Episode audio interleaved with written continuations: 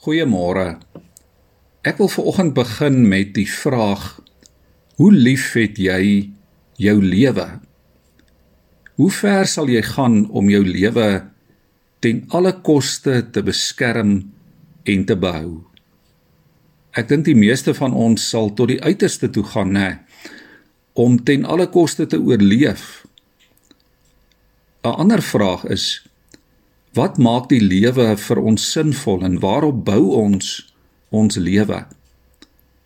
Wat is dit waarvoor ons ten alle koste sal wil bly lewe? In Johannes 12 sê Jesus: As 'n koringkorrel nie in die grond val en sterf nie, dan bly hy net een. Maar as hy sterwe, bring hy 'n groot oes in.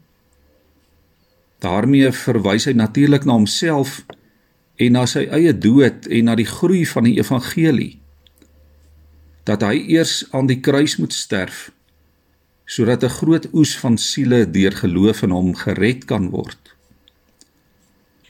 Maar die Here het ook vir jou en vir my hier in gedagte dat ons ook elkeen self soos 'n koringkorrel in die grond moet val aan onsself moet sterf sodat ons vir hom kan lewe Hoor wat sê die Here in vers 25. Hy sê wie sy lewe bo my liefhet, verloor dit. En wie sy lewe in hierdie wêreld nie bo my liefhet nie, sal dit vir die ewige lewe behou. En daarom die vraag vir môre: Hoe liefhet jy jou lewe? Wat is die prys wat jy betaal deur dit ten alle koste te probeer behou? Ons lees hier 'n baie ironiese ding in Johannes 12. Baie lede van die Joodse raad het in Jesus geglo. Maar hulle wou dit nie openlik sê nie. Hulle wou dit nie erken nie omdat hulle bang was vir die Fariseërs. Vers 43 sê: Hulle het gekies om eerder deur mense geëer te word as deur God. Watter prys is dit wat jy betaal deur toe te laat dat jou liefde vir jouself en jou eie behoud jou blind maak vir die liefde wat God vir jou het.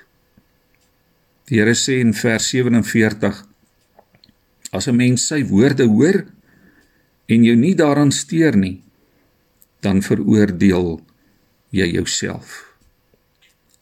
Kom ons bid. Here, U het nie gekom om mense te veroordeel nie, maar om mense te red. Maak ons juis in hierdie tyd sensitief vir U en vir U woord en vir die stem van U Gees. Laat ons regtig glo in U lig sodat ons in hierdie wêreld ook mense van die lig kan wees.